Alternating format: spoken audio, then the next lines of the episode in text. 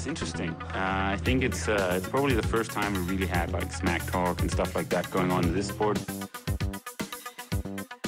He's definitely been more successful here I mean, in, in Hawaii. But I've beaten him up many times, and he knows that when all the people aren't around him patting him on the back and he looks at himself in the mirror at night when there's no one else, he knows I'm the real deal. Some people talk and they never won Ironman in Hawaii, so I could talk. I won twice. Du er på træningslejr sammen med Leeds elitegruppen i Spanien, og er i gang med din tredje uge. Kan du stadigvæk hænge, hænge sammen, Anne, og, og i øvrigt velkommen til? Tak skal du have. Jo, jeg, øh, jeg synes, det går okay, men man kan godt mærke, at al træningen, den ligesom, øh, den sidder i kroppen. Din dagligdag er ikke med andre, andre elite kvinder øh, dernede på, på Stævns. Det er jo primært drenge. Hvordan har det egentlig været at, at få sparring med Beth Potter, hvad de ellers sidder? Jeg synes, jeg har været enormt givende. Jeg er vant til bare at, lidt at følge efter drengene og være sådan øh, vedhængig. Ikke? Jo. Men hernede, der får man jo lov til at, rigtig blive en del af gruppen, og det er også sjældent, man får lov til at træne sammen med piger, der har ens eget niveau, ikke? Ja. Og til så også er bedre. Jeg kunne godt tænke mig at vide, hvordan, hvordan er det egentlig kommet i stand? Altså, hvis du lige kan prøve at fortælle historien. Du får jo en, øh, en, en meget særlig sms på et tidspunkt. Jamen altså, for at gøre en, en lang historie kort, så øh, var Emil og jeg i Bahrain for at køre 73, og efter stævnet, så hang vi ud sammen med Max Stabley, som kom på podiet. Og han er gode venner med, med Bahrain-folkene, så vi endte med at, at tage til afterparty sammen med, med alle de, de sjove og kendte mennesker. Øh, og der, der faldt jeg i snak med Alistair Brownlee, og han sagde, at når nu du er så, øh, så god en swimbiker, kunne det så ikke være sjovt for dig at tage på træningslejr sammen med vores gruppe, når vi tager til Spanien om nogle måneder? Og så tænkte jeg, åh jo, det kunne med være sjovt. Men øh, da vi tog hjem, så tænkte jeg, det bliver der nok ikke mere ud af. Så gik der lidt tid, og så fik jeg en sms fra ham, hvor han skrev, er du stadig interesseret i at tage med på træningslejr? Wow. Tænkte jeg, ja, hvor sindssygt, det, det kunne jeg godt tænke mig. Så du er udset til at være den kvindelige udgave af Richard Varga, øh, og, og for jer, der har været i sporten i nogle år, så ved man godt, at, at da Johnny øh, og Alistair ligesom var øh, sådan virkelig, du ved, omkring øh, 12 og 16, øh, altså deres OL-forberedelse, så hævde de jo alt, hvad der er sådan, øh, altså de, de bedste inden for hver disciplin ind i deres træningslejre og forberedelser for at få øh, så, så god sparring som overhovedet muligt. Så, så det der med at, at få den anerkendelse, at, at du ligesom har et niveau, øh, som, som de, altså en af verdens bedste træningsgrupper, øh, kan gøre brug af. Altså, hvad, hvad, hvad tænker du om det, altså? Altså i første omgang, så var det jo et enormt skulderklap at få det at vide af, af hvad jeg nok vil kategorisere som verdens bedste triatlet. Nok også ham, der kommer til at have det renommé resten af sit liv. Ja. Men også at få lov til at, at træne sammen med den nuværende verdensmester. Det synes jeg, øh, altså, det bliver jeg enormt beæret over at få at vide. Øh, og så er det jo bare en, en vanvittig mulighed for at komme ned og, og lære nogle nye mennesker at kende, og, og danne nogle relationer der, der kan, måske kan bruges, når vi er ude og køre stævner. Ja, en, en anden ting, jeg lige øh, kom til at tænke på, som man måske ikke lige øh, har overvejet, det er, at i mange danske 3D'ers optik, så er det jo øh, non-draft og langdistance. Det er jo dem, der er stjernerne, men i den engelske kultur er det jo øh, omvendt. Altså der, der er det jo øh, de olympiske, altså kortdistance, som øh, er toppen af poppen, og det andet, det er, det er sådan lidt øh, underlydet på en eller anden måde. Altså kan du godt fornemme det, når du hænger ud med de her mennesker, at, at det, er, det er folk, der er meget, meget højt respekteret, eller det, det tænker du måske ikke rigtig over? Sådan havde jeg det lige i starten, men de, altså, de er i gåseøjne også bare almindelige mennesker, og enormt altså, rare og, og søde, og, og helt nede på jorden. Men selvfølgelig så kan man godt mærke nogle gange, når man er ude, og man ser andre, hvordan de reagerer over for dem. tænker, okay, man glemmer det lige, men de, altså, de er jo kæmpe superstjerner. Øh, man tænker ikke så meget over det, når man får lov til at bare at gå rundt sammen med dem hver dag. Du har været i øh, triathlonsporten i øh, mere end 10 år, øh, og øh, jeg du ved, selv prøvet at træne med virkelig gode atleter. Hvis du skal pege på nogle forskelle øh, i forhold til, hvordan du er vant til at træne. Øh, nu har jeg jo lige øh, stalket din øh, strave lidt. Du har været så sød og, og offentliggør rigtig meget af træningen dernede. Det er jo sådan meget det, man kender. Altså, det, der, der er ikke så meget, der, der på den måde øh, skiller sig ud, men, men, men i forhold til, hvordan træningen udfører sig, i forhold til at presse hinanden, kan du ikke prøve at gøre os lidt klogere? Hvordan, hvordan foregår det egentlig? Jo, altså deres ugeplan, den kunne godt ligne sådan en, en typisk altså, kortdistance triatlet uge. Ja. Det eneste, jeg vil sige, der måske er, er lidt til forskel på den måde, jeg selv normalt uh, træner på, det er, at de, ikke, øh, de er sgu ikke super glade for at stå sådan tidligt. Nej, nej, nej nemlig, I, I, svømmer, I svømmer klokken 8, og det tænker jeg, tænker, altså i Danmark, der, der er det sådan, okay, nu, nu, øh, nu er klokken ved at være syv, og så føler man allerede, at dagen, eller man har, har forspildt et eller andet, Øh, så, så hvad tænker du egentlig om det? At det der med, at, at man har øh, tid til en, en, rolig morgen, og faktisk også kan sove sådan lidt øh, semi-længe? Jeg er ikke helt øh, fan af det, men det er fordi, jeg kan godt lide at sprede min træning ud over dagen, så jeg ja. ikke føler, at passene kommer for tæt på hinanden, fordi nogle gange så når man sgu ikke helt at restituere oven på et af passene, før man skal i gang igen. Ja. Så jeg kan godt lide at, at køre sådan en, øh, en rytme, at man i hvert fald starter 6-7-tiden, og så ske hen over øh, middagen og så eftermiddagen. Så er det ligesom, så er dagen brugt på, øh, på træningen. Men når jeg siger det her med, og siger, at jeg er vant til at svømme klokken 6, så står de og kigger mig, eller på mig med åben mund og polyper og tænker, hvad, hvad fanden er du for en underlig type, der godt kan lide det? Da du så tog dig ned, så må du også på en eller anden måde, efter så mange års systematisk glidetræning, have et eller andet indre ur. Det er jo ikke sådan noget, at man lige fra den ene dag til den anden, bare sådan af sig selv begynder at sove halvanden, to timer længere. Hvordan har du egentlig fået ændret sådan dit indre ur i forhold til, til den måde, I træner på dernede? Ja, jeg er til dels kommet til at, at gå lidt senere i seng, ja. men jeg står også op, og så, så finder jeg på et eller andet praktisk at lave. Så tømmer jeg opvaskemaskinen, eller jeg hænger tøj op, og sådan ja, ja. får dagen til lige at starte lidt. Nu, øh, som sagt, så kigger jeg lidt på Strava. Øh, I har sådan nogle, øh, et godt mix mellem nogle virkelig hårde dage, hvor I ligger og svømmer sådan noget ja, omkring 31 per 100, og jeg tror, den, den længste, jeg lige har kunne finde, det er 6, 6 km, øh, altså på, på 90 minutter. Og så, øh, så har I noget, jeg vil tro, når man har dit niveau, så vil du nok kalde det for recovery. Lad os sige omkring 4 km i sådan noget 2.00-agtigt øh, tempo.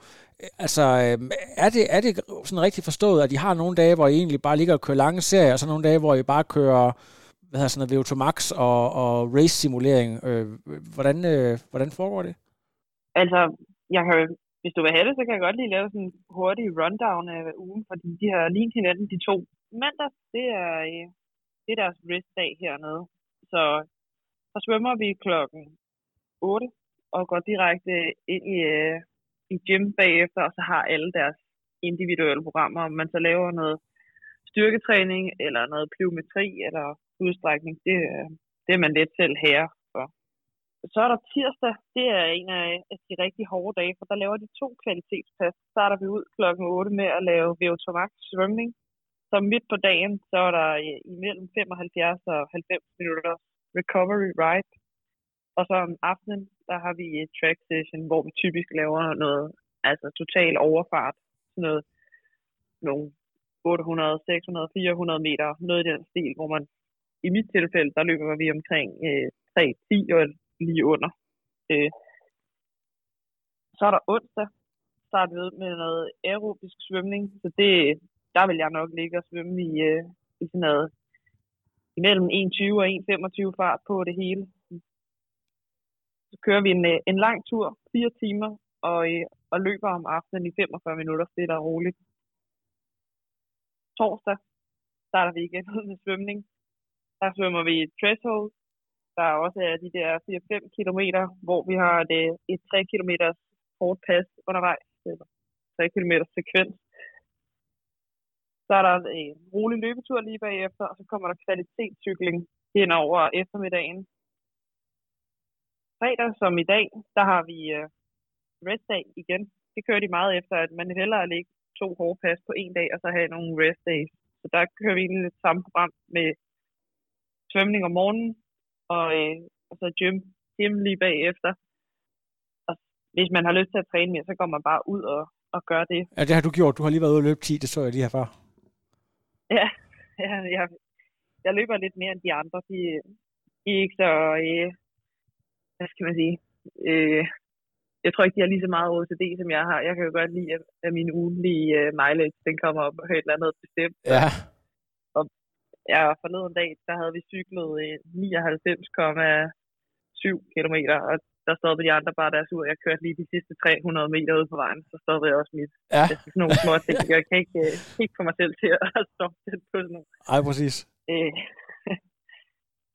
ja, så om, øh, lørdagen, der løber vi noget threshold og cykler to timers roligt. Og søndag, det er sådan en lidt lang dag. Og det har, øh, den første uge, jeg var her, så cyklede vi kvalitet søndag. Og den anden uge, der var alle så tilpas trætte, at vi lavede øh, en lang kvalitetstur om til en lang rolig tur. Og så løber vi en time om aftenen. De er jo afsted i, øh, i 3-4 uger, så jeg går også ud fra, at altså hvis du, hvis du ser på, at, at I stadigvæk ligger og træner et sted mellem 25 og, og 30 timer, men ikke, ikke hårdere, end at man, skulle, man skal kunne gentage de her uger. Er det ikke det, der er meningen? Jo, jo, lige præcis. Altså, jeg har lige steppet lidt op fra, da jeg tog hjemmefra. Der har jeg ligget på omkring 25 timer i gennemsnit, vil jeg skyde på. Så jeg har lige puttet de der 5-6 timer oveni. Men nu har man jo også muligheden for at gå ud og, og køre en god tur i, i solskin, uden at sidde og tænke, fuck, en lortetur, fordi man fryser om tæerne og fingrene, ikke? Ja. Altså, når man er hjemme. Jamen, solen betyder selvfølgelig lidt, men, men noget, vi også har talt uh, lidt om sådan, uh, bag, eller hvad kan man sige, før vi begyndte at optage, det er jo den kultur, som englænderne har, også uh, de allerbedste. Altså, de kan simpelthen godt lide at drikke nogle øl, altså godt lide, lide at, at drikke uh, alkohol på... Uh, deres øh, fridage på restitutionsdagene. Øh, altså, hvordan har du egentlig haft det med det? Jeg går ikke ud fra, at det er sådan en del af dit øh, eget personlige træningsregime, når du er hjemme øh, i Stævns? Nej, altså det, jeg er faktisk ikke, øh, jeg er ikke særlig vild med alkohol, så hvis jeg gør det, så er det også, fordi man virkelig skal slå til tørre. Ja. Men øh, jeg har ikke noget mod, at de andre de gør det. Og bare for at, at give en god historie, så i går, da vi var ude at spise, så tænkte jeg, okay, fint nok, vi er færdige med at spise, nu skal vi hjem. Men vi kørte ikke hjem. Jeg tænkte, hvor fanden er vi så på vej hen? Det var så fordi, vi var på vej hen til en bar, hvor der var øh, quiz night, hvor nogle af de andre atleter var derhenne. De sad skulle lige have fik en øl eller to, eller tre, ikke? Ja. Altså, imens vi lavede øh, quiz sammen med alle mulige andre fulde øh, pensionister på badeferie. Hvad, hvad tænker du egentlig om det? Fordi det er jo, når, når du, altså, som, som vi også snakkede om før, at det er øh, en regerende verdensmester, formentlig en af favoritterne til at, også at, at tage OL her til sommer. Man går ud fra, okay, de, de er locked in de næste 4-5 måneder. Der er øh, alting skåret fuldstændig ind til benet. Der er slet ikke noget slinger i valsen, og så, når man, så, så har de bare lige været på popquiz og lige fået, fået et par genstande. Altså, hvad, hvad, hvad får det der til at tænke på? Sådan, altså? Jeg tror du bare, det er britisk kultur. Hvad, hvad handler det om? Jeg tror, at, ja, det kan godt være, at der er noget kultur i det, men jeg tror også, at der ligger et enormt pres på dem, når ja. de øh, altså når de kommer til at være de her favoritter hen imod de store stævner. Så jeg tror bare, at de prøver at, få sig at et almindeligt liv som overhovedet muligt. Fordi alting er ikke lige så øh, hvad skal man sige, stringent, som man skulle gå og tro. Altså, hvis vi, hvis vi bare tager herhjemme for eksempel, så hvis vi ikke lige ved, vi skal have til aftensmad, så og, ved du hvad, vi kører sgu lige ned og henter nogle pizzaer. Ja. Det er ikke fordi, øh, at de sidder og siger, at jeg skal have så og så mange ris, så, mange grøntsager, og jeg skal have det her kød, og det går de ikke så meget op i. Og hvis vi snakker om, med, nå, for eksempel med Best Potter, hvad hun tænker omkring O eller sådan noget, så er hun jo selvfølgelig enormt med, altså hun er spændt, og hun er, og hun er selvsikker i forhold til konkurrencen, men hun er med også, øh, hun er bange for, for ikke at præstere, som, som hun måske øh, forventer, at hun gør. Sådan. Så hun prøver at ligesom bare at holde det så øh, low-key som overhovedet okay, muligt. Og... Der er måske også en, en, en, en forsvarsmekanisme på en eller anden måde, at, at man prøver at, at styre nerverne ved at gøre de ting, man egentlig plejer at gøre. Jo mere ultraseriøs man er, øh, forsøger at, at styre alle mulige faktorer, jo hårdere falder man jo også, hvis det hele kollapser. Ja, 100 procent. Altså, jeg tror også, det er meget sundt bare at have sådan et, øh, et almindeligt syn på, øh, hvordan ens hverdag det skal være, så man ikke øh, graver sig ned i et eller andet hul af, at man bare skal præstere hele tiden og hele tiden optimere på alle parametre. det tror jeg, man kan blive helt øh, forvirret af, egentlig. Jeg kom til at tænke på, nu er du jo inviteret med, fordi at du er en meget, meget dygtig svømmer, og ikke mindst cykelrytter, men øh, du er jo også en høj kvinde, en høj skandinavisk kvinde i forhold til øh, nogle af de lidt mindre atleter, fysikkens lov øh, og alle de her ting. Når I har så mange højdemeter, jeg tror en af dagene, der har I været op over 2.000, kan din, øh, din power i benene godt kompensere for, for vægt per ki- eller watt per kilo og, og de her ting. Øh, kan du godt øh, vise, hvad det egentlig er, du er inviteret med for, synes du? Ja, til dels. Jeg kan godt mærke, at, det, at jeg skal trykke lidt mere for at, øh, at køre de samme stigninger. I går, da vi skulle køre intervaller, så lavede vi nogle 5 minutters øh, hill reps opad, så var der lige noget rulle øh, pause nedad. Og så kørte vi noget chain gang på flad vej. Jeg kunne godt mærke, at de satte mig lige til sidst opad, men når vi kører flad vej, så har jeg mere power, end de har. Så man kan godt mærke, at man er lidt større, og måske skal træde lidt flere værd, ikke? Men jeg synes, øh, jeg synes, det er okay. Jeg føler også, øh, at de kan presse mig på den måde, fordi øh, alle stigningerne normalt ikke er noget, der passer mig særlig godt. Så det er måske også meget godt at blive udfordret. Ja, og få lidt ekstra ind. Og hvad hedder det, jeg, jeg forstod ikke rigtig, øhm, da vi talte om det der med, at du blev inviteret med af Alistair Brownlee, er han med ude på de enkelte sessions der? Og det, øh, jeg sådan mere specifikt tænker på, det er, at øh, hvis der nogensinde er nogen, der har, har set ham, når han kører stævner, altså han er jo meget åbenmundet, sådan en forcer, at det skal være, øh, kæden skal være stram og så videre. Hvordan, hvordan er det at have ham med ude? Altså, så han også for, at øh, okay, hvis der skal trænes, altså, så, så er det seriøst, så er det ikke sådan noget chit-chat. Kan du prøve at beskrive det? Det er lidt en 50-50, om vi træner sammen med ham, fordi han træner jo lige nu til at køre det der øh, Miami-stævne. Ja. Øh, det hedder T100, ikke? Ja, præcis. Ja, så nogle af dagene, så træner han øh, sammen med os, og andre dage, så træner han sammen med nogle af de andre langdistancer, der har været. Så det er lidt forskelligt, men man kan godt mærke, at når vi er ude at køre, han vil gerne, altså, han vil gerne i gang, og han vil gerne have, have noget kvalitet i træningen. Men når vi begynder på intervallerne, så deler vi os meget hurtigt op og siger, okay, det er også tre piger, der kører sammen, og alle, der kører sammen med nogle af drengene, og så er der noget opsamling på toppen. Så det er ikke, fordi han sidder og ligesom er, er primus motor for, for, at vi får kørt rundt, fordi så meget er vi heller ikke sammen. Nej, men man kan godt mærke, at det er sådan noget med at, og ligesom at få hele gruppedynamikken til at, at køre. Han kan jo godt lide at køre stærkt. Ja, ja, ja. Så den, den første dag, der var vi ude at cykle en fire timers tur. Og hver gang der kom en nedkørsel, så lige pludselig så blev hele hvad skal man sige, rækkefølgen i gruppen ændret. Fordi jeg tænkte, okay, nu kører alle der foran, og så ligger vi os bare på rej og række bagved, og så gælder det om at holde hjulet ned. Altså, og, med, og det var med livet som indsat på nedkørslerne, men det var sgu også meget sjovt. Altså, jeg kan godt forestille mig, hvis man er inviteret med her, så føler man også lidt, at øh, man vil sgu helst ikke falde igennem, vel? Altså det der med, hvis man skal have sådan en invitation en gang mere, det er virkelig her, man ikke har lyst til at, at blamere sig, gøre et eller andet helt øh, skørt, øh, og bare være sådan øh, the weakest link, ligesom i det her tv-show, som folk måske kender det svageste led. Altså, har, har der været nogle gange, hvor du de steder har, har frygtet, at du skulle øh, jeg komme til at dumme dig simpelthen? Ja, den frygt tror jeg altid sidder i en, men det tror jeg mere personligt, fordi jeg har ikke lyst til, altså for mit eget vedkommende har jeg ikke lyst til at falde igennem noget af træningen. Men jeg tror også, at, at det er meget naturligt, at man bare har nogle off-dage en gang imellem, og det har de andre atleter også. Ja, ja. Det er ikke, fordi jeg er bange for ikke at, at vil blive inviteret igen. Jeg har faktisk også allerede øh, fået sådan lidt nogle, hvad skal man sige, uofficielle invitationer til at komme på besøg, når de er tilbage i elite, altså hen over sommeren, hvis ja. jeg har lyst til at komme og træne med dem igen. Så skal du bare lige have lidt, lidt mere tøj med, for jeg tror, der, jeg tror ikke, øh, der er oppe i Nordengland, at øh, du skal regne med, at der er så mange solskinsdage, som der, hvor der er lige nu. nej, nej, det er sgu nok ret i, altså. Ej, men, men øh, jeg vil sige, de, de er sådan meget godt ved at fortælle om, nogle gange, så har de sådan nogle øh, kriteriumstræninger, så laver de sådan noget, øh, de kalder chain gang, hvor man egentlig bare ligger og kører rulleskift, ja. og falder man af, så bliver man bare samlet op igen, for man kører rundt på en rute. Wow, okay.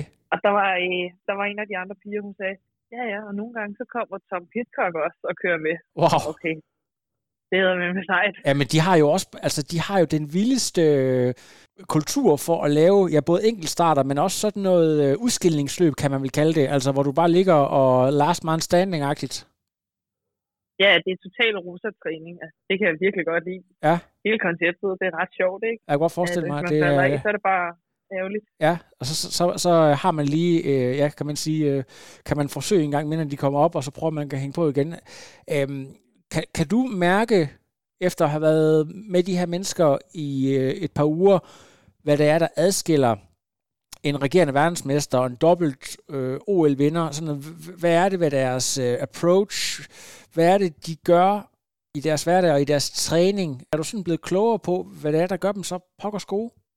Altså, hvis jeg tager udgangspunkt i Alistair og Beth, så kan man sige, at det, der er ligheden mellem dem, det er, at de begge to har den der øh, enorme rival. Beth, hun har det i, i Cassandra Bogrand fra Frankrig, Ja. og Alistair havde det med, med Javier Gomez Yes. fra Spanien. Og nu har jeg snakket lidt med Beth, når vi har været ude, og jeg har spurgt ind til, hvordan hun ligesom takler forskellige situationer, og hvad hun tænker. Og hvis der er en ting, der sådan virkelig står klart, så er det, at hver gang hun synes, åh oh shit, det er hårdt i træning lige nu, så det eneste, hun tænker på, det er, ja, men nu skal jeg lige gennemføre det her, fordi det er det, der gør, at jeg bliver bedre end Cassandra. Det er det, der gør, at jeg kommer til at vinde OL, og hun ikke gør det. Så jeg tænker, at ja, udover at de jo selvfølgelig er nogle enormt dygtige atleter og enormt dedikerede, så tror jeg, at, at det, der ligesom har gjort forskellen, det er, at de har de der fjender, hvis De kan, man kan de kan simpelthen det. ikke lide at tabe. de- De kan simpelthen ikke lide at, at blive udstillet, og det er, det er det, der får dem til at stå ud af sengen om morgenen. Ja, det kan man sige. Det tror jeg virkelig er det, der har gjort forskellen lige for dem. Nu kommer nørden jo op i mig, fordi det, hvis du sådan kigger tilbage i tiden med Simon Lessing og Spencer Smith, øh, som også øh, var rivaler op gennem 90'erne, og øh, jamen, de fortæller nøjagtigt den samme historie. Det var simpelthen den der angst for at tabe til den anden. Det var simpelthen det, der gjorde, at de, øh, at de blev så stand-out. Kan jeg have en pointe, når jeg siger, der er, der er måske også noget lidt udansk. Altså, det er ikke sådan noget, vi er opdraget til, at man decideret må, må have sådan et fjendebillede. Øh, det er sådan lidt øh, frowned upon, og det er det måske ikke i samme grad i, i den øh, britiske kultur. Kan der være noget om det, tror du? Ja, det kan der 100% være. Ja. Vi er jo opdraget til, at alle skal være gode venner, ikke? Ja. Og man, ikke skal, man må ikke sige noget grimt om andre, og man må ikke, man skal ikke køre for at slå de andre, man skal køre for at, at blive bedre end det, man gjorde sidste gang, eller Ja. ligesom hele tiden at præstere optimalt ud fra en eget synspunkt. Ja, Men, præcis. men hernede så, det er sgu fint nok at have en rival, og det er fint Ja. nok gerne at ville uh, massakrere dem. Og Ja. jeg spurgte faktisk også bedst, om hun, altså, om det var fordi, hun ikke kunne lide Cassandra, eller sådan noget. Ja. Og hun så bare sagde, nej, nej, er du sindssyg? Jeg synes, Cassandra er en vild flink. Jeg kan rigtig godt lide hende. Men Ja. jeg kan kraftedeme ikke tage til hende. Så jeg tror, de, øh, de har en, øh, en helt anden approach. Ja. Og man må, øh, man må rigtig gerne ville slå andre. Man behøver ikke at være en skiderik og synes, at andre øh, er nogle idioter af Ja. den årsag. Jamen ved du hvad, det er jo super interessant, fordi altså, hvis vi nu øh, lige nævner, det er ikke fordi, at vi, at vi sådan skal kaste smus over det hele, men jeg synes alligevel, jeg er nødt til at nævne det. Der var jo en kontrovers for 10-15 år siden, hvor Harry Wiltshire var øh, domestik for Brownlee-brødrene, især nok primært for Alistair, hvor han øh, simpelthen bliver bedt om, formodentlig, at gå hårdt til Javier i et, øh, i et stævne, øh, som, som ender med at koste ham øh, seks måneders karantæne, og faktisk også forfølge ham resten af hans karriere. Men, øh, men hvis man, altså i det lys, det der med, at man faktisk også er klar til at, at bruge sådan lidt øh, kontroversielle metoder, øh, man, altså man er all in på det der med at vinde. Altså, hvad, hvad, hvad, hvad tænker du om det? Nu kender jeg ikke lige den kontrovers, du snakker om der, men, men jeg kan godt det, altså, genkende det fra, øh, fra nogle af de andre Brownlee-brødrene, der ligesom har haft med som, som hjælperytter, eller hvad man kan sige. Ja. Og jeg synes egentlig, hvis det bliver gjort på en, øh, altså, en ordentlig og en super måde, så synes jeg egentlig, at der er noget ret cool over det, og Ja. der er også en, øh, en sammenligning, altså, eller sammenligning mellem øh, altså, triathlon og, og cykling, når man har et, øh, et hold. Vi er jo ikke vant til i vores sport, at man arbejder sammen som øh, land. Hver gang vi stiller op flere piger fra Danmark, så stiller vi jo op hver især. Der er Ja. jo ikke noget med, okay, hvis jeg er her i, i feltet, og du er der, hvad, hvad gør vi så? Det er bare øh, alle mod alle, ikke?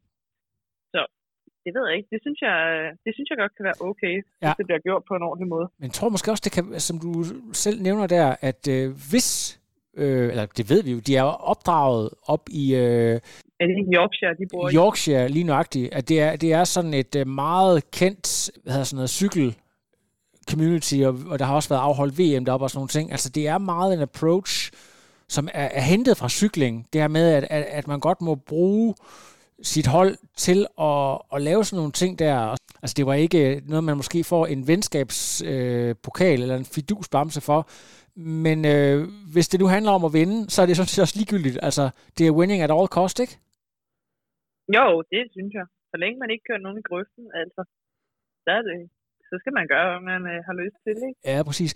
Øhm, nu, du, nu er du os lidt klogere på, hvad I går laver. Så kunne jeg godt tænke mig at høre lidt om, om, hvad der skal ske i den her sæson, fordi du startede med at fortælle, at det var egentlig nede i Bahrain, øh, at de havde mødt hinanden, og der var du jo nede og køre, og jeg tror nok, at selvom du var i rigtig god form dernede, så endte det vist nok med en... Jeg kan, endte du med at gennemføre, eller måtte du trække dig på løbet? Hvad var det, der skete dernede? Jamen, for at fortælle det helt kort, så, så svømmer jeg okay, synes jeg.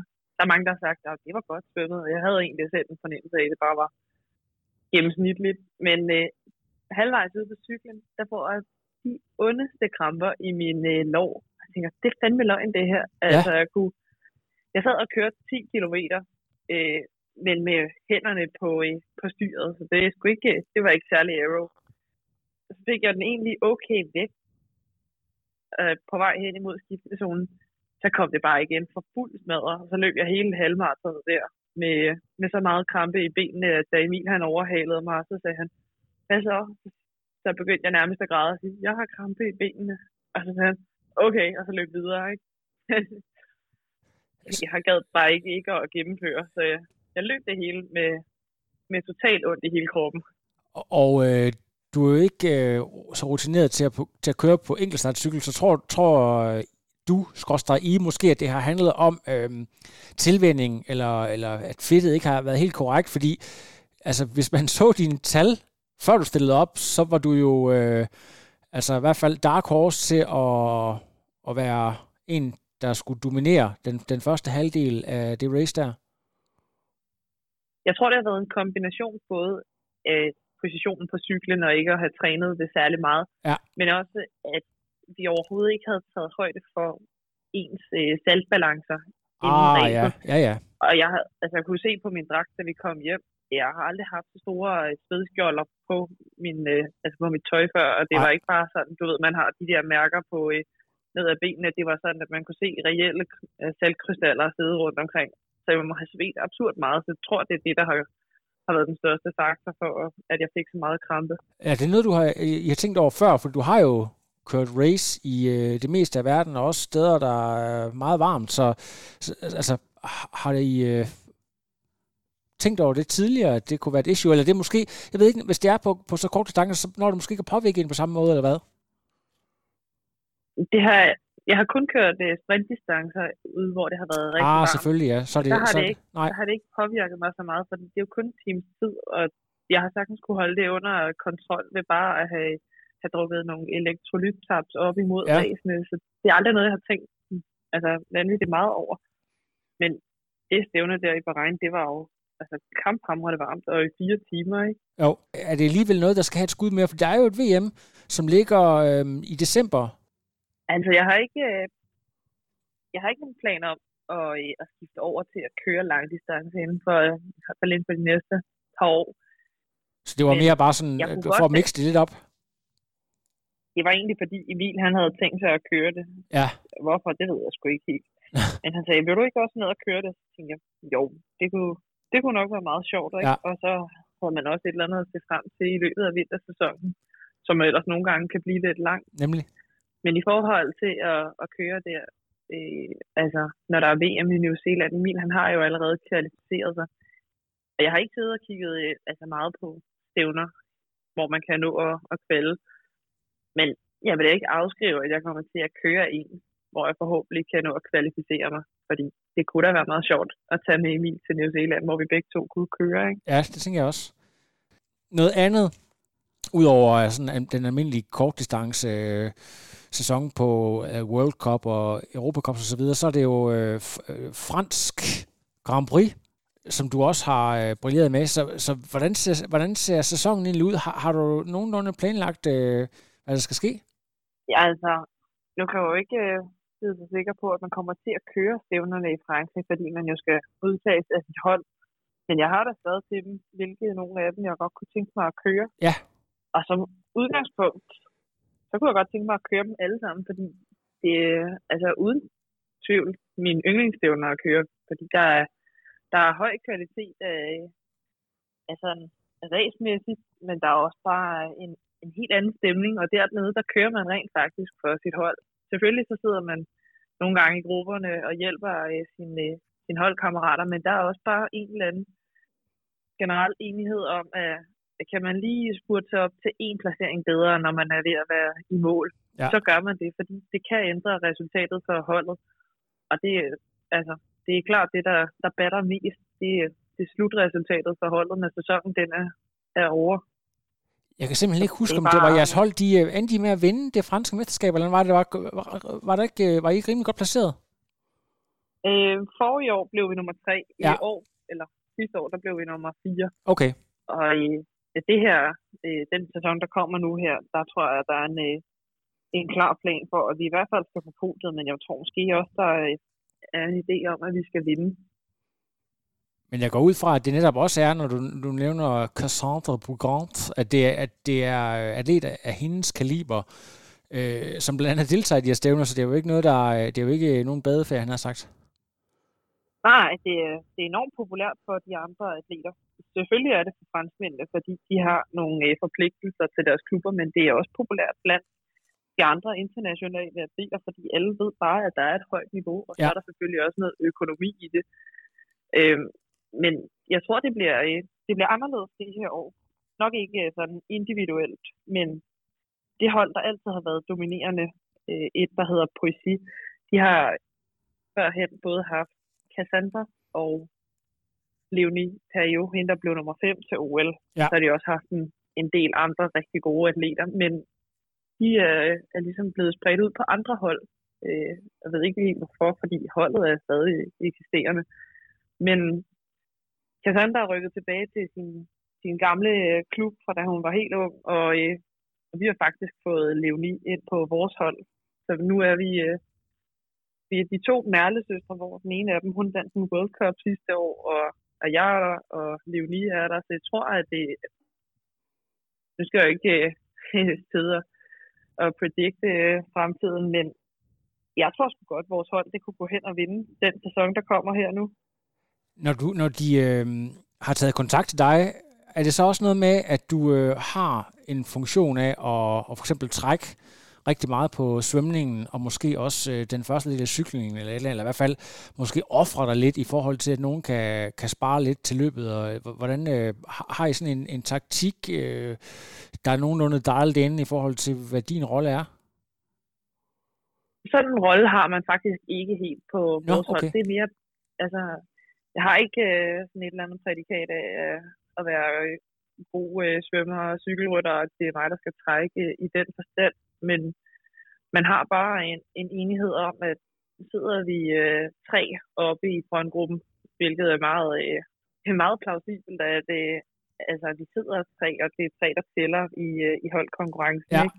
Så der er bare sådan, okay, nu kører vi fandme for at, at forfølgergruppen ikke øh, altså, henter på os, men nu sætter vi dem, for det kan være, der sidder nogle gode løbere derom. Og så gælder det bare om, at, at alle i, eller på holdet, de præsterer så godt som overhovedet muligt. Noget andet, der er sket, som øh, indirekte også handler omkring dig, det er jo, at dit lokale træningsmiljø i, eller på Stævns, er blevet forfremmet, han har sagt. Ja. Til, øh, til at være et officielt elitecenter. Og det betyder også, at der kommer ja. noget økonomi, måske, at der er, der er nogle forskellige ting. Altså, jeg ved ikke rigtigt, om, om du tænker, at det kommer til at påvirke øh, din daglige træning specielt meget, men alligevel så er det jo øh, et skulderklap om, at øh, at de gør det godt, og øh, ja, at det, det simpelthen er noget, der, der er værd at, at smide nogle penge efter? Jeg tror ikke, det kommer til at, at påvirke mig i den forstand, fordi øh, at ligesom forfremmelsen ligger i, at vi er blevet talentudviklingscenter. Så det går mere ud på at få øh, alle de små i gang. Så jeg tror, det kommer til at være øh, mere til deres gavn. Men selvfølgelig så al omtale omkring stævn, så omkring os, det er jo aldrig dårligt. Nej, præcis. Men har, det kan godt være det.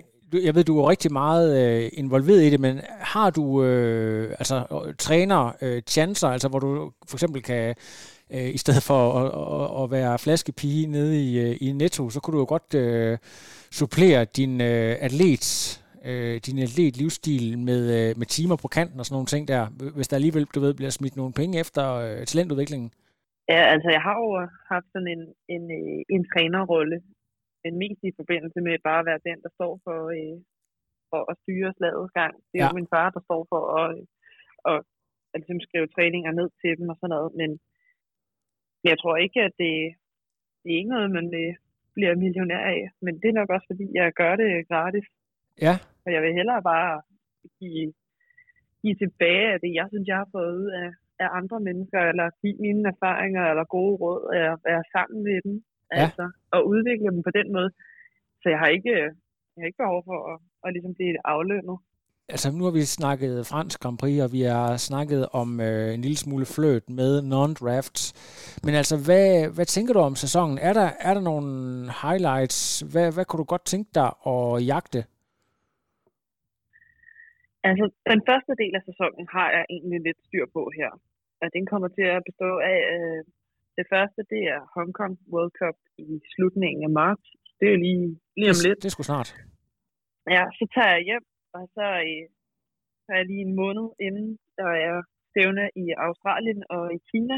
Der også er to World Cup'er, og i forhold til hele vores relay-kvalifikation, så beror den lidt på øh, de sidste øh, stævner her, i forhold til i forhold, forhold til, at vi skal have med en anden mand til at være i top 140. Og så, hvis det sker, så skal vi til Mexico og køre det sidste kvalifikationsstævne som hold, hvor top 2 på dagen, de får de sidste to plads til OL. Det er ikke ligesom i den der komedie, hvor han siger, hvad er chancen for, at en kvinde som dig og en mand som mig kunne finde sammen? I would say it's one to million. So you're telling me there's a chance? Det er ikke helt ja, der, det kan man godt sige. Ej, det, nej, nej, det... øh, Hvad siger du, undskyld? Altså, der er en, en lille chance for det at sige, den, Ja. er, den er spinkel, men den, den er der. Ja. Og det skal man jo selvfølgelig også øh, forfølge 100%. Altså, altså, det handler jo simpelthen bare om at, at være, være skarpe, og så forfølge chancen hele vejen, han har sagt. Ja, præcis. Altså, man kan se det selv bare med, med verdensmesterskabet sidste år for herrerne i kortdistance. Så tænkte man, okay, den ender enten hos Alex Lee eller Hayden Wild. Og fordi der er jo ikke var nogen af dem, der præsterede på dagen, og øh, at Dorian Connick han lige vælger at vinde den dag, så ender han også med at vinde hele verdensserien, selvom man ikke rigtig havde forestillet sig, at det var en mulighed. Ja, altså, fordi de, de var så langt øh, tilbage øh, i racet. På Ja, den- ja. ja, fordi de var så langt tilbage, og han var så langt fremme. Ja. Så altså, alt kan jo i, i princippet ske. Ja. Det vil sige, det første, der kommer til at, at afgøre det, det er i, i morgen bliver der kørt World Cup i New Zealand, hvor vi har valgt Marsolok med, for at forhåbentlig skrave nogle point sammen, så han kan ryge længere op ad ranglisten. ja, forhåbentlig, ja. Ja. Vi har jo trods alt ikke så mange stævner tilbage, inden øh, den her toårige kvalifikationsperiode, den slutter. Så de stævner, der er her i starten af året, dem tager folk glædeligt ud til, selvom de ligger øh, på den anden side af jordkloden. Hvem er det, der er i spil? Øh, nu er det jo øh, dig selv, og så er det øh, Emil. Kan du lige... Øh, Så er det Alberte, og så, øh, hvad hedder det, Oscar. Oscar, ja. Og, hvad, og, og Valdemar, er han så med som øh, mulig reserve, eller hvordan? Altså, lige nu er det, det er sådan lidt en 50-50, fordi Ja. Valdemar og Oscar, de ligger Meget omkring det samme sted på ranglisten. Ja. Så om det er den ene eller den anden, der når at kvalde, det er sådan lidt hip Okay. hap. Så, så det handler simpelthen bare om, at de skal dem, det. forfølge enhver chance for at skrabe point. Men er det, er det så både, altså, som jeg forstod dig, det er lidt kompliceret. Jeg er lidt ked af, at jeg som tri-oraklet ikke engang styr på det, men jeg tror, det er, det er noget, der kræver øh, rimelig meget nørderi, det der med at være helt øh, og lure det der pointsystem. Men altså, det er så både til individuelt og til, til altså det danske landshold, at de øh, samler point, han har sagt. Ja, det er. Der er egentlig to ranglister, fordi der er lidt forskellige måder, man kan nå at kvalificere sig på. Men hvis jeg lige hørte, skal rise det op, så kan man selvfølgelig kvalde individuelt ved at, at være i top 55. Men hvis man gerne vil kvalde som hold, så skal alle på holdet være valgbare, og det vil sige, at de skal ligge inden for top 140 individuelt. Og så kan man igennem sit hold og igennem de her VM-afdelinger, vi kører som relay, så er der også øh, en rangliste dertil, hvor at, nu kan jeg ikke engang huske, om det er top 11 eller top 12 eller sådan mm. noget, der, der ligesom kvalder igennem den. Og så er der selvfølgelig en, en plads til værtsnationen, og der er en plads til øh, dem, der har vundet VM i, i de to år, der har været kvalifikationsperiode. Ah. Og så kommer det her knald- eller faldstævne i slutningen af den her periode, hvor man så tager de sidste to pladser og giver ud til dem, der er nummer et og to på dagen. Præcis. Men, men bare sådan rent hypotetisk, hvis man nu øh, enten har været ude med en længere skade, eller kommer tilbage fra graviditet, whatever, er der, er der ikke sådan nogle wildcards eller et eller andet i det her system øh, til nogen, der, jamen, hvis det er en tidligere verdensmester, som bare ikke har nået at samle de her point, eller er det simpelthen bare, du ved, tough luck? Altså hvis ikke du, øh, du kan...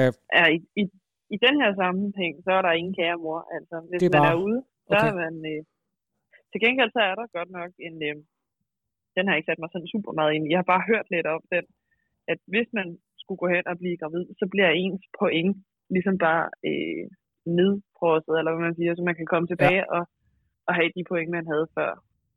Okay, men det, altså det, det er jo lidt, det, ja, det er sådan lidt halvkompliceret, men jeg går ikke ud fra, at, øh, at øh, du sidder med ikke en stor lommeregner eller sådan en kugleramme. Og, Ja, altså i den sammenhæng, der, øh, der overlader jeg det hele til, til Angela og Rasmus Henning. Altså, der kan de få lov til at sidde med, med kuglerammen og tænke, okay, hvad, hvad skal de nå at køre? Hvad Ja, skal de nå præcis. at have point? Og hvor det smartest at tage hen i forhold Ja. til, altså, hvad det koster og med ruter, der passer en og alt sådan noget. Det, det kan de få lov til at rode med, og jeg, jeg, dukker man bare op og, og Ja, gør det præcis. bedste, man kan. Ikke? jeg kan huske Jens Toft, tror jeg, øh, vores bedste hed tilbage i 12, som simpelthen jagtede en OL-kvalifikation over hele verden.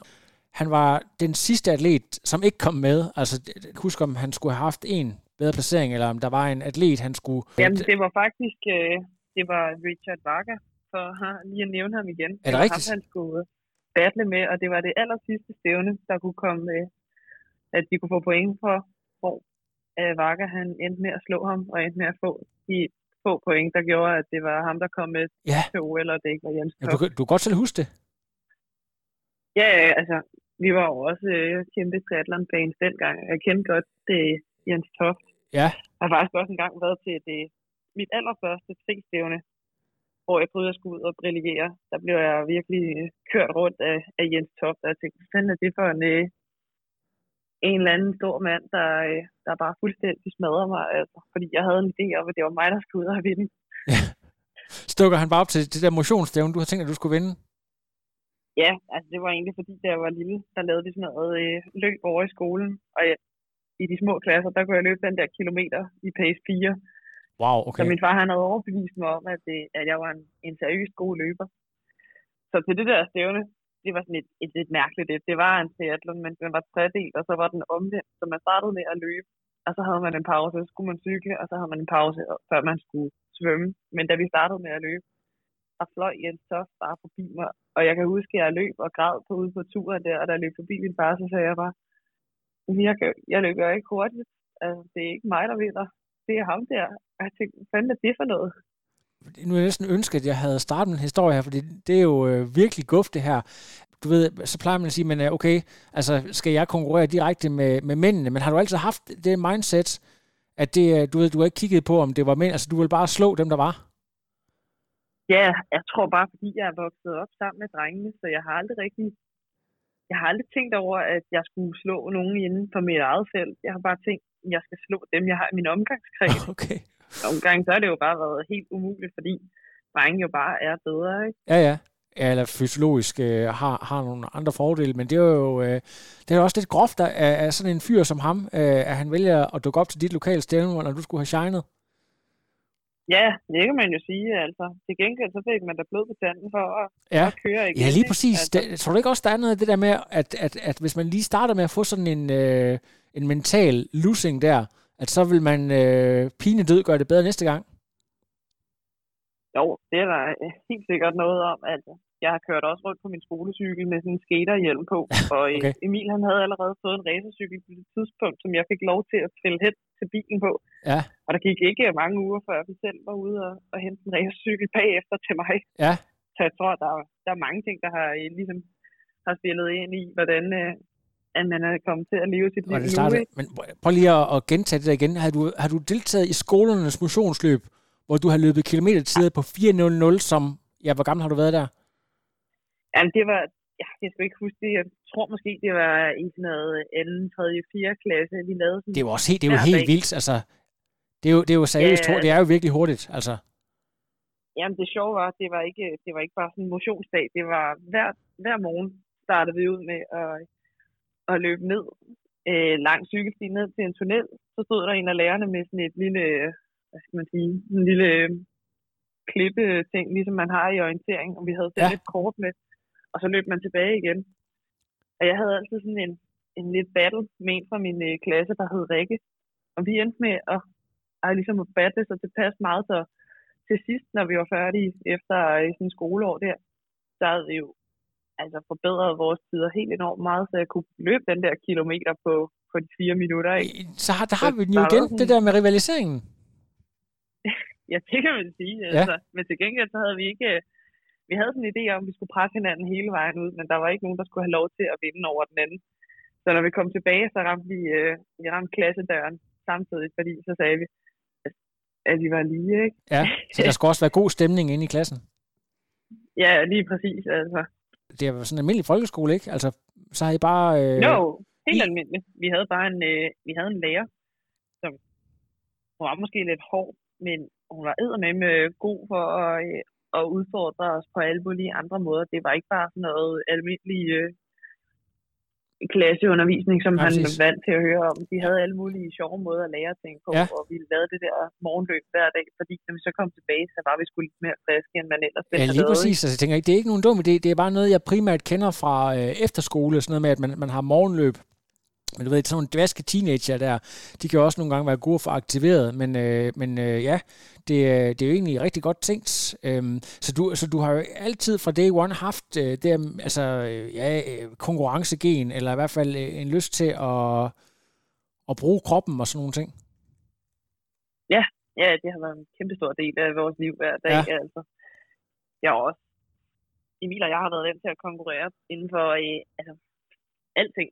Om det var til, hvem der kunne tage tøjet hurtigt på, inden vi skulle i skole, eller hvem der kunne øh, køre øh, det meste af vejen hjem fra skole uden hænder, eller, eller hvad, altså, alting. Alt har været en konkurrence, men på sådan en lidt, øh, en lidt sjovere øh, forstand, end, Ja. ja. øh, end hvad det er nu, ikke? Er der, er der egentlig andre fra den der skole der, som også øh, har fået en øh, atletkarriere i et eller andet omfang?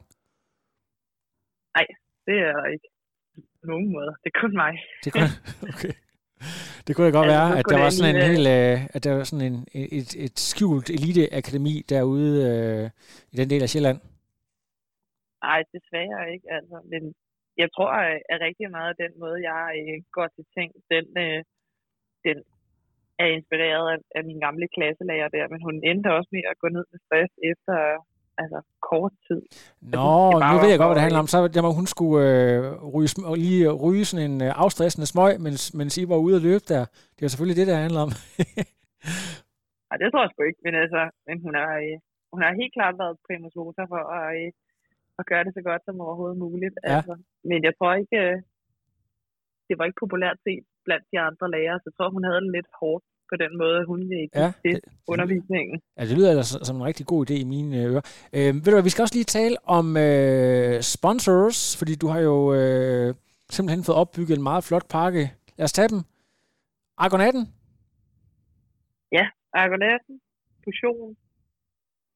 Så har du også noget energi, vores, øh, energisponsor? Ja, vi har en Neutron fra din øh, hometown, ikke? Lige præcis. Så har vi øh, en lokal sponsor, Og Sund, som, øh, som jeg stor øh, bruger eller benytter af, øh, når jeg er hjemme. Og så skal jeg lige spørge i den forbindelse, når du siger fedt og sund, har du så lavet en såkaldt Henrik Thiem, hvor du har presset løbebåndet så meget, at øh, strømmen gik i hele bygningen? Nej, det har jeg ikke, men jeg tror, vi har presset løbebåndene så meget, at de snart skal øh, udskiftes. Ja, man kan sådan begynde at lugte øh, den der brændte, når motoren er så presset. Ja, de begynder øh, at ryge mærkelige lyde, når vi, ja, ja. når vi løber på dem. Det lyder som om, de er ved at falde sammen. Ja. De kan ikke mere. Ligger du sådan noget 2,55, 3,0-agtigt, når du, når du løber intervaller på den? De kan kun køre 20 km i timen, desværre. Nu er mine matematiske evner ikke så øh, skarpe, så hvad svarer det til? Det er 3-0. Det er 3-0, okay, ja. Jeg, nu siger jeg bare noget hurtigt. Har du, har du samtidig set øh, på YouTube eller et andet sted, øh, jeg tror Red Bull blandt andet har dem, de der kæmpe løbebånd, de der, som øh, du kan nærmest også cykle på dem, men, og som kan lave en eller anden kanon stor hældning. Øh, det kan være, det er sådan et, du skal have fat i. Jamen, altså det gør vi faktisk nogle gange inde i Idrættens Hus i Brøndby, der har de øh, inde i deres øh, almindelige fitnesscenter to af sådan nogle oh. Woodway løbebånd. Okay. Og inde i deres testcenter, der har de et, et almindeligt løbebånd mere fra Woodway, og så har de det, et af de store øh, testbånd. Godt nok ikke lige så bredt som det, man ser i, øh, i videoerne på, eller fra Olympiatoppen i Norge, men, men stadig virkelig gode kvalitetsløbebånd. Og jeg tror faktisk, de kan gå op og køre sådan noget 25 procent oh. i stigning, og de kan også køre 25 i timen. Ja, har I, tager så I så sådan nogle enkelte dage, hvor I tager ind, og så, øh, eller hvornår bruger dem? Altså, er det bare, øh, når I skal lave testdag, eller hvad? Vi, vi bruger dem faktisk øh, rimelig ofte, når vi har kvalitetspas om fredagen, så ja. er vi derind og løber. Jamen, jeg, jeg er faktisk, når du, når du siger det, du er rigtig flink til at bruge Instagram til at dele din træning, øh, og det er, altså vi har så også haft en historisk dårlig øh, januar altså til, til at træne ude. Så, så det har jo primært været treadmill-træning for dit vedkommende. Ja, altså jeg har beløbet absurd meget indenfor, og cyklet meget indenfor. Ja. Men jeg har også begyndt at, altså, at vende mig til det. Jeg kan faktisk godt lide at køre mine, eller løbe mine intervaller indenfor, for man bare kan slå hjernen fra, og så bare stå og trykke op, indtil man løber det rigtige pace. Ja, og det er bare øh, god playliste på Spotify, og så bare øh, hammer, eller hvordan, øh, hvordan får du tiden til at gå, når du bare står der? Øh, altså, jeg har været vant til at høre rigtig meget musik, når jeg har, øh, har løbet mine intervaller, men jeg har faktisk gået lidt væk fra det. Øh, og den primære årsag, det er, at jeg sveder så meget, så jeg har ødelagt et par AirPods. Så nu, øh, nu tager jeg ikke at ødelægge et par mere. Nej. Altså man skal også lige huske, at når man løber indenfor, altså ens, og, altså takes one to no one, man sveder bare absurd meget på et løbebånd i forhold til øh, ja, alle mulige andre steder, fordi altså medmindre du har en, øh, en gigantblæser lige i fjeset, men det, altså, det er vel også lidt svært at skaffe. Ja, det vil også se totalt åndssvagt ud, fordi når man er der, så man kan jo stå og holde øje med alle, fordi alle væggene er beklædt med spejle, og det er ofte, når man kommer derind, så, så render der nogle af svømmerne rundt, eller badmintonspillerne, så man kan jo ikke stå ja. og skille sig for alt for meget ud, vel? det er jo simpelthen så for. Jeg har nogle gange, øh, da jeg selv gjorde det der rigtig meget, haft øh, to-tre, eller altså i hvert fald to ekstra singletter med, fordi at øh, i løbet af ja, en halv time, altså så var den singlet, man startede ud i, simpelthen så gennemblødt, så du kunne øh, vride den som en karklud, altså det var, hvis du skulle, og hvis du skulle op og løbe halvanden time. Ja, men altså, jeg er virkelig også, Emil han er begyndt at kalde mig for sweateren, altså derhjemme, fordi jeg bare sveder. Svend Sved, ligesom i... Øh, ja. Ja, det, den bruger vi også, den reference. Du kommer, ikke til at, du kommer ikke til at stå bag nogen kiosk, og ved du hvorfor? Det er fordi, du sveder, og fordi du er alt for ulækker. ja, ej, Ole Testrup, han er sgu en legende, eller var. Men ja, ej, jeg sidder også, altså, vanvittigt irriterende, men jeg gør det meget. Altså, når jeg skal køre indendørs cykling på, øh, på home trainer, så tager jeg sådan gerne en, øh, en 2-3 trøjer med, og, øh, og også gerne sådan en, en 4-5-6, øh, hvad hedder de, buff, for øh, og ikke at sidde alt for meget ned i hovedet. Jeg sidder og skifter den sådan øh, hver halve time, 20 minutter du er vant til at træne rigtig meget, men, men når du har lavet nogle af de der sessions der, kan du mærke, at det sådan går ud over koncentrationen, øh, og det, det, det er svært, og altså man skal bruge lang tid på at, at refuele. Du kan jo ikke bare sådan lige, øh, hælde 6 liter tilbage i kroppen igen øh, på én gang, han har sagt? Nej, det kan man med godt mærke. Jeg synes især, når man gør det hen over vinteren, og man i forvejen er påvirket af ikke at få så meget sollys, og man, ja. man har siddet der og cyklet i, i to-tre timer og svedt meget. Mm. Så har jeg nogle gange taget op til træning og sådan en aftenpas og tænkt, hold da kæft, man, jeg tror sgu ikke, jeg kommer igennem det her pas. Ja. Men der er det måske altså, også det... meget det med det der med, at hvis du har Emil med, så, øh, så du bliver stående, så længe han også gør. Ja, det er der ingen tvivl om. og det er godt. Hvis du øh, skal komme med en lille kom til opsummering af, hvordan du synes, det går med din træning og din fremgang, hvor vil du så sige, at du ligger henne øh, på de tre discipliner? Altså er du sådan på et all-time high på alle tre, eller, eller er der noget, du, du, du forsøger at, at forbedre en, en lille smule i forhold til der, hvor du synes, du, du gerne vil være? jeg har altid en eller anden generel idé om, at det altid kan blive bedre. Men ja. jeg føler mig i generelt god, god form. Ja. Men jeg skal ikke kunne afskrive, at, øh, at jeg ikke improver hen over de næste par måneder. Fordi det, det tror jeg godt, jeg ville kunne. Men, øh, men lige nu synes jeg, at, det, at min form er rigtig god. Og hvis jeg skulle sammenligne det med sidste år, så var jeg jo ja, lige i den her periode, der var jeg jo ved at, at lægge op til at blive skadet og sådan har jeg det ikke på nogen måde nu. Altså lige nu føler jeg mig enormt sikker på, at, at jeg øh, er totalt fedt for fight, så at jeg kan blive ved med at træne og forhåbentlig forbedre mig. Det gør mig, øh, det gør mig bare i, i godt humør, ikke? Ja. Og, den, den skade, du havde, var det øh, den her øh, fraktur under foden? Ja, det var, ja, det var bare, jeg tror, et, øh, for stort load på mine fødder, der gjorde, at, øh, at jeg fik en øh, stressfraktur. Præcis, så hvis du har kunne formå at holde dig skadesfri over, øh, ja, over, over lang tid, også øh, over hele vinterperioden her, så er det jo også som regel noget, der... Ja, altså kontinuitet, det, det trumfer jo som regel bare det meste, altså. Ja, jeg har også øh, førhen, der har vi, vi prøvet at se, om vi kunne ramme sådan et ugenligt øh, mileage inden for et eller andet område, og det her er egentlig skåret en, en anelse ned på, og det synes jeg, det har gjort, at, at jeg, jeg er knap så træt, og at på ingen måde har altså de der små, øh, hvad skal man sige, sådan niggles, at man en gang imellem går og tænker, oh, jeg har sgu lidt ondt her, eller sådan noget. Det har jeg undgået ved at, at holde mig inden for, øh, jeg prøver at ramme 80 km. Det er ikke altid, man lige gør okay. det, men sådan 70-80 km om ugen. Så, så hvor meget har du skåret? Altså, lå du så på 140, eller hvad, hvad har du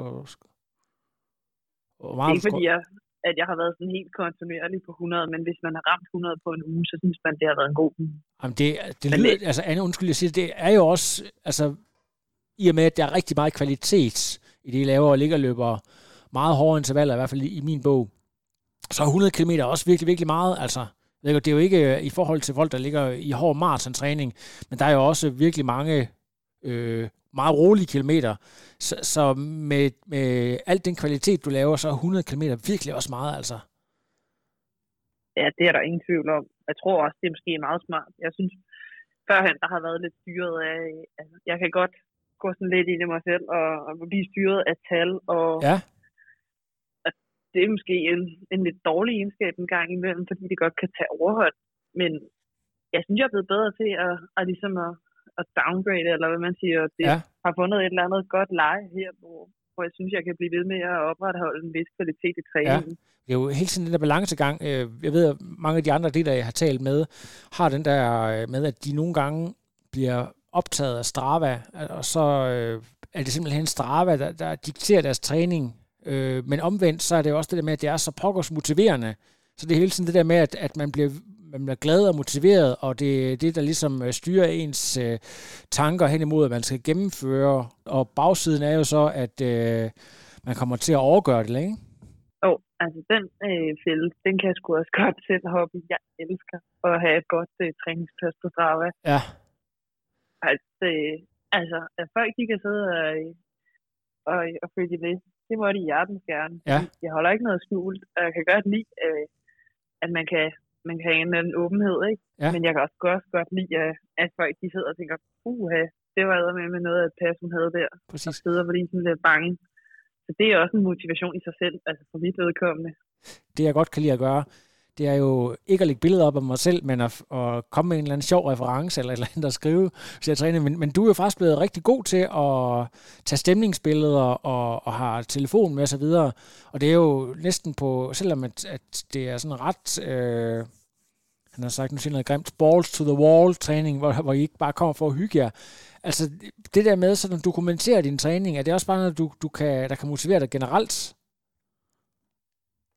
Ja, altså jeg vil sige, det er kun en brøkdel af det, der kommer op på mine øh, sociale medier, som jeg rent faktisk har i min kamerarulle. Ja. Jeg er øh, totalt, øh, jeg elsker at tage billeder og videoer af alting, og det er ikke fordi, jeg nødvendigvis skal poste, men jeg kan godt lide at sidde og bruge det som en eller anden form for virtuel dagbog.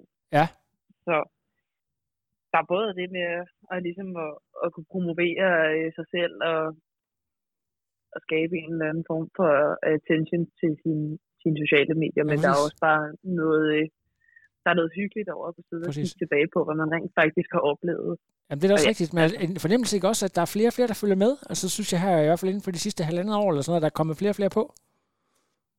Jo, det synes jeg. Der er også flere og flere, der begynder at reagere og synes, at det, man lægger op, det enten, øh, enten er sejt eller sjovt, eller ja. måske er pænt at kigge på, hvis man tager et billede ud over bjergene eller et eller andet. Præcis. Anne, vi har været øh, hele vejen rundt nu. Øh, det bliver rigtig spændende, og du sagde, at øh, i marts, det var det, det var et sted i Asien, jeg har allerede glemt det. Hvornår hvor, hvor du skulle køre hen? I Hongkong, det er den 23. marts. Det er simpelthen i Hongkong. Er det, ja, altså, så der er faktisk har, en, øh, en måned i dag. Har du, har du været der før? Ja, det har jeg faktisk. For okay. øh, ja, Emil og jeg snakkede om det forleden dag, så sagde han, ja, det er ikke så mange år siden, vi var i Hongkong. Så blev jeg nødt til at rette ham og sige, jo Emil, det er sgu det er fem år siden. Det er ret lang tid siden efterhånden. Ja. Det, det tyder jo på, at det bliver en spændende sæson. Det tænker jeg, at det gør. Altså, både øh, det bliver spændende, hvis vi kommer til OL, men også øh, bliver det spændende at se, hvad der sker efter. Fordi det, det er der ikke nogen, der ved lige nu. Når du siger, at der er ikke nogen, der ved det, er det så med dig selv, om du ikke sådan selv er afklaret med, hvad der skal ske efter Paris? Det var sådan lidt med mig selv fordi jeg har øh, min første halvdel af sæsonen på plads, men jeg ved jo ikke, hvad der kommer til at ske, hvis vi ikke kvalder til OL. Så skal vi jo tage bestik af situationen der og sige, skal vi så ud og køre de her stævner, eller skal jeg køre lidt mere her? Så det, det kommer sådan lidt løbende. Ja, Jamen det, øh, det er rigtigt, men jeg tror måske, at du gør meget klogt i at øh, holde et uh, lidt mere kortsigtet fokus. Ja, det tror jeg også, at det, det er mest optimale i den her situation. Jamen, øh, tusind tak, Anne. Øh, hvad havde det? Synes du ikke, vi kom omkring øh, det meste?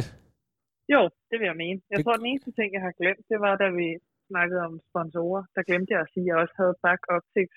De leverer jo alle vores øh, solbriller. Back Optics? Back Optics. Simpelthen, og det er der, hvor I er inde og få et sæt rigtig fine øh, Oakley en gang imellem. Ja, lige præcis, og alle vores hjelme. Det kommer og, også og så ved jeg ikke, om du har set nogle af, af de videoer, jeg har lagt op hernede fra på nedkørsler, hvor folk de tror, jeg kører med en hånd på styret. Det gør jeg ikke. Det er sådan nogle uh, Ray-Ban metabriller, man kan sætte til at, at filme. Wow. Dem uh, har vi også fået derfra. Jamen, prøv, øh, bare lige helt kort. Hvad, hvad, hvad er det, de kan? Altså, det, så har du simpelthen kamera i brillen? Ja, altså du kan faktisk ret meget med dem. Du kan tage billeder, videoer, og hvis nogen ringer til dig, kan du også tage telefonen over dem. Du kan også høre musik, godt nok uden bas, men ja, så er de selvfølgelig øh, praktiske, fordi det er solbriller. Men de er ret, øh, de er ret seje. Jamen, det er, jo, det, er jo, det er jo skabt til sådan som dig, hvis du elsker at træne og godt kan lide at tage fede billeder, og endda i nogle ret specielle vinkler osv., så, så, så, kan de simpelthen øh, lave sådan et decideret, hvad, hedder, hvad kalder man sådan noget, øh, ja, altså et øh, point of view. Ja, altså, sådan point of view. Ja, ja. Det er jo fedt. Ja, lige præcis. Det er også, øh, der er rigtig mange af de videoer og billeder, jeg har taget, både med min telefon, men også med de der briller hernede, der øh, bliver brugt af de andre piger i, ja. i lejligheden. Jeg synes, det er vildt fedt, og meget fascineret, og især brillerne. Så giver det jo også meget med mening. Det var, det var måske også det, jeg fiskede efter lidt før, det der med, hvordan det der med at, at lige præcis at være ude og køre og sidde med sin telefon, og ikke fordi det kan man selvfølgelig sagtens, men, men øh, det er også bare det, når du kører nedad med 50 km i timen, så øh, det er måske sådan lidt, du ved, så det er lidt nemmere, hvis det er en, øh, en brille, der, jeg vil ikke udløser den selv, eller hvordan, skal, skal du trykke på et eller andet? der er en knap op på den, den ene side af stillet, så man skal lige sådan slippe hænderne på styret, men den kan Okay. okay. et minut ad gangen, så du kan sagtens få en, øh, altså en lang nedkørsel. Ah, hvor, jamen det der, altså undskyld ikke, fordi vi sådan skal snakke om kroner og øre, men hvor meget koster sådan en brille der? Det lyder da meget fedt. Jeg tror, de ligger et sted imellem 3 og 3.500. Nå, okay. Om det er jo bare greb i lommen. Det er jo bare øh, hal- halvanden AirPods, eller hvad vi snakker. Ej, men det var, da vi var oppe og få lavet Oakley-briller sidste gang, så ham Jesper der, han er meget rundhåndet. Men han sagde, de her, de er mega fede, men de er ikke så populære i Danmark. Kan I ikke, øh, hvis I nu får et par hver, kan I så ikke skabe noget, øh, Noget hype. noget liv omkring dem og sådan? Så, ja, Så kan du lige hilse ham og sige, at nu er, han, nu, nu er han kommet på trioraklet. Så, øh, så er der i hvert fald kommet, ikke meget, men lidt hype i communityet. Jamen, altså, jeg synes, det er meget fedt. Hver gang jeg poster en video med dem, så står det oppe i, i toppen af min Instagram, at de er lavet med Ray-Ban Meta. Ja. Så det kommer automatisk ind på, øh, hvad for en slags øh, brille det er lavet med. Så jeg håber, at, at folk lægger mærke til det. Ja, men de det er jo- kan skabe lidt hype omkring dem. Ja, men der, jeg kan godt se, at der er meget i det. Altså, har, har du egentlig også brugt dem på, på løbet? Det er primært cykling, det er... Jeg har ikke brugt dem til at løbe hurtigt endnu. Jeg har brugt dem på noget afjok, og der er faktisk altså, overraskende god kvalitet i det, til trods for, at man måske skulle tænke, at de hoppede lidt, og Ja. ja. fordi al mekanikken i dem sidder inde i, i stillet, så de er lidt tunge og lidt klodsede, men, men man kan faktisk godt, øh, man kan godt løbe roligt med dem. Det, der, det er super cool. Det er ikke sådan, at man øh, sidder du så og redigerer, eller er det sådan øh, pretty much til, di, di, hvad sådan noget, direkte til Instagram øh, bagefter de videoer og billeder, du tager? Der sidder måske de her klipper hjemme, så man ikke får lagt sådan et, et minuts video op, som ingen gider at se alligevel. Nej. Men, Jamen, men ellers så er det rimelig hurtigt. Man åbner bare sin app, trykker på importer billeder og videoer, og så går der et par minutter, så rører alt op, og så kan man bare sidde og lægge det op. det er fremragende. Tusind tak, Anne. No, I am done. Another. But no, it's, I'm done. I have no power.